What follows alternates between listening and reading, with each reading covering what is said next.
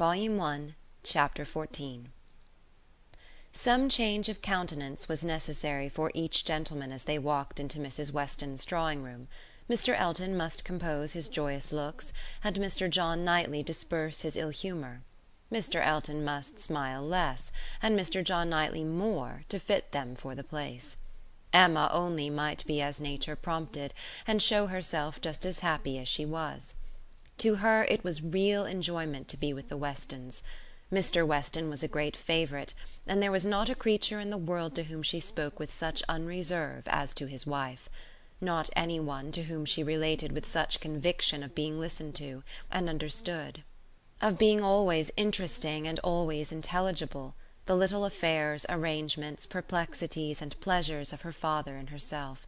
She could tell nothing of Hartfield, in which Mrs. Weston had not a lively concern; and half an hour's uninterrupted communication of all those little matters on which the daily happiness of private life depends, was one of the first gratifications of each.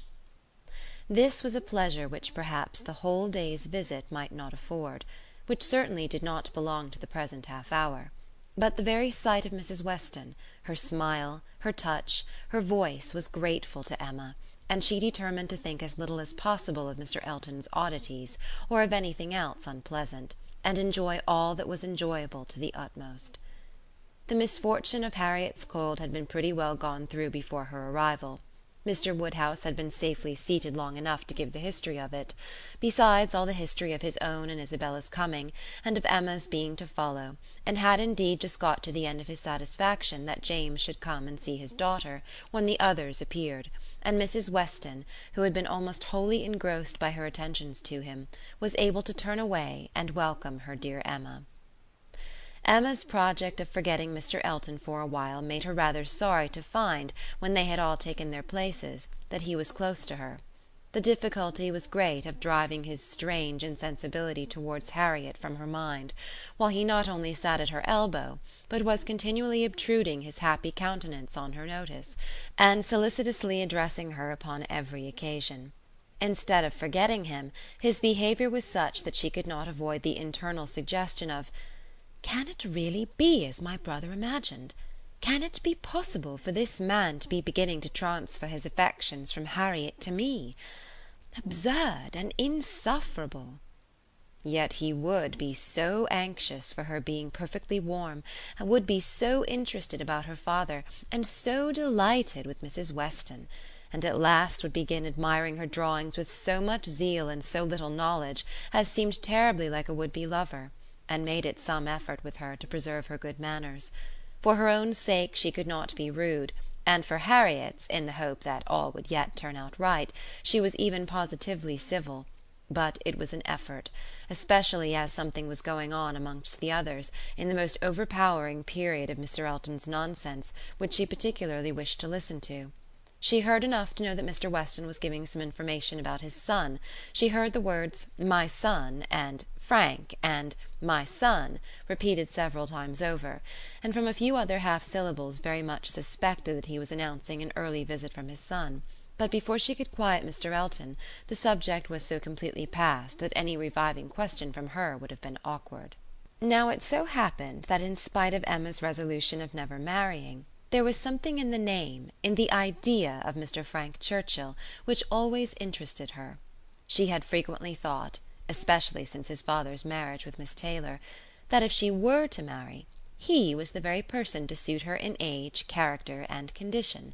He seemed by this connection between the families quite to belong to her. She could not but suppose it to be a match that everybody who knew them must think of. That Mr. and Mrs. Weston did think of it she was very strongly persuaded and though not meaning to be induced by him, or by anybody else, to give up a situation which she believed more replete with good than any she could change it for, she had a great curiosity to see him, a decided intention of finding him pleasant, of being liked by him to a certain degree, and a sort of pleasure in the idea of their being coupled in their friends' imaginations.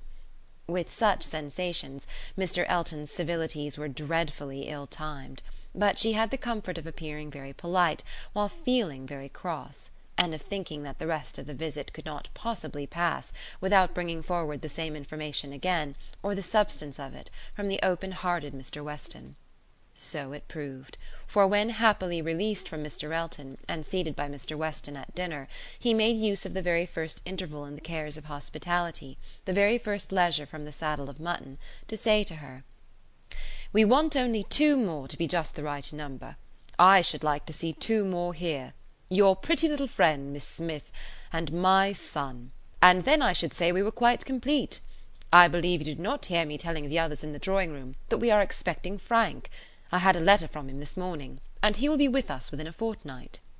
Emma spoke with a very proper degree of pleasure, and fully assented to his proposition of Mr. Frank Churchill and Miss Smith making their party quite complete. "He has been wanting to come to us," continued Mr. Weston, "ever since September. Every letter has been full of it; but he cannot command his own time. He has those to please who must be pleased, and who, between ourselves, are sometimes to be pleased only by a good many sacrifices. But now I have no doubt of seeing him here about the second week in January." "What a very great pleasure it will be to you; and Mrs. Weston is so anxious to be acquainted with him, that she must be almost as happy as yourself." "Yes, she would be, but that she thinks there will be another put off. She does not depend upon his coming so much as I do but she does not know the parties so well as I do. The case, you see, is but this is quite between ourselves, I did not mention a syllable of it in the other room. There are secrets in all families, you know. The case is that a party of friends are invited to pay a visit at Enscombe in January, and that Frank's coming depends upon their being put off. If they are not put off, he cannot stir. But I know they will, because it is a family that a certain lady, of some consequence, at Enscombe, has a particular dislike to and though it is thought necessary to invite them once in two or three years, they always are put off when it comes to the point. I have not the smallest doubt of the issue. I am as confident of seeing Frank here before the middle of January as I am of being here myself. But your good friend there," nodding towards the upper end of the table, "has so few vagaries herself, and has been so little used to them at Hartfield, that she cannot calculate on their effects as I have been long in the practice of doing." "I am sorry there should be anything like doubt in the case," replied Emma, "but am disposed to side with you, Mr. Weston. If you think he will come, I shall think so too, for you know Enscombe." "Yes, I have some right to that knowledge, though I have never been at the place in my life. She is an odd woman. But I never allow myself to speak ill of her, on Frank's account, for I do believe her to be very fond of him. I used to think she was not capable of being fond of anybody except herself but she has always been kind to him, in her way, allowing for little whims and caprices, and expecting everything to be as she likes; and it is no small credit, in my opinion, to him that he should excite such an affection, for though I would not say it to anybody else, she has no more heart than a stone to people in general, and the devil of a temper." Emma liked the subject so well that she began upon it to Mrs. Weston very soon after their moving into the drawing room wishing her joy, yet observing that she knew the first meeting must be rather alarming. Mrs. Weston agreed to it, but added that she should be very glad to be secure of undergoing the anxiety of a first meeting at the time talked of. "For I cannot depend upon his coming. I cannot be so sanguine as Mr. Weston. I am very much afraid that it will all end in nothing. Mr. Weston, I dare say, has been telling you exactly how the matter stands." "Yes, it seems to depend upon nothing but the ill humour of Mrs. Churchill, which I imagine to be the most certain thing in the world." "My Emma," replied Mrs. Weston, smiling, "what is the certainty of caprice?" Then, turning to Isabella, who had not been attending before, "You must know, my dear Mrs. Knightley, that we are by no means so sure of seeing Mr. Frank Churchill, in my opinion, as his father thinks. It depends entirely upon his aunt's spirits and pleasure; in short, upon her temper. To you, to my two daughters, I may venture on the truth. Mrs. Churchill rules at Enscombe, and is a very odd tempered woman; and his coming now depends upon her being willing to spare him." "Oh, Mrs. Churchill, everybody knows Mrs. Churchill," replied Isabella, "and I am sure I never think of that poor young man without the greatest compassion. To be constantly living with an ill tempered person must be dreadful.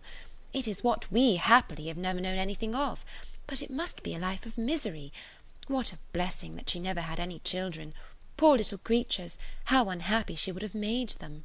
Emma wished she had been alone with Mrs. Weston; she should then have heard more. Mrs. Weston would speak to her with a degree of unreserve which she would not hazard with Isabella, and she really believed would scarcely try to conceal anything relative to the Churchills from her, excepting those views on the young man of which her own imagination had already given her such instinctive knowledge. But at present there was nothing more to be said. Mr. Woodhouse very soon followed them into the drawing room. To be sitting long after dinner was a confinement that he could not endure. Neither wine nor conversation was anything to him, and gladly did he move to those with whom he was always comfortable. While he talked to Isabella, however, Emma found an opportunity of saying: "And so you do not consider this visit from your son as by any means certain? I am sorry for it.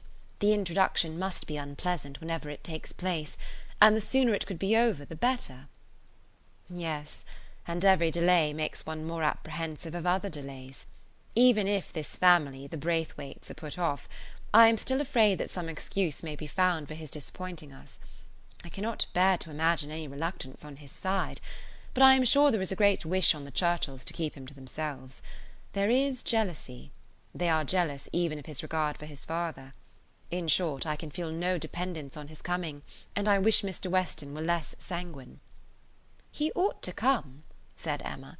If he could only stay a couple of days, he ought to come; and one can hardly conceive a young man's not having it in his power to do as much as that.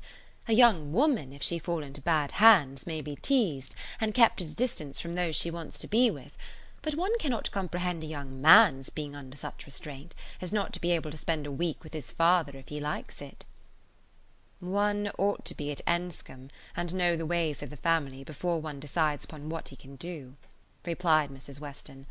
One ought to use the same caution, perhaps, in judging of the conduct of any one individual of any one family; but Enscombe, I believe, certainly must not be judged by general rules. She is so very unreasonable, and everything gives way to her." "But she is so fond of the nephew; he is so very great a favourite. Now, according to my idea of Mrs. Churchill, it would be most natural that while she makes no sacrifice for the comfort of the husband, to whom she owes everything, while she exercises incessant caprice towards him, she should frequently be governed by the nephew, to whom she owes nothing at all." "My dearest Emma, do not pretend with your sweet temper to understand a bad one, or to lay down rules for it; you must let it go its own way. I have no doubt of his having, at times, considerable influence, but it may be perfectly impossible for him to know beforehand when it will be."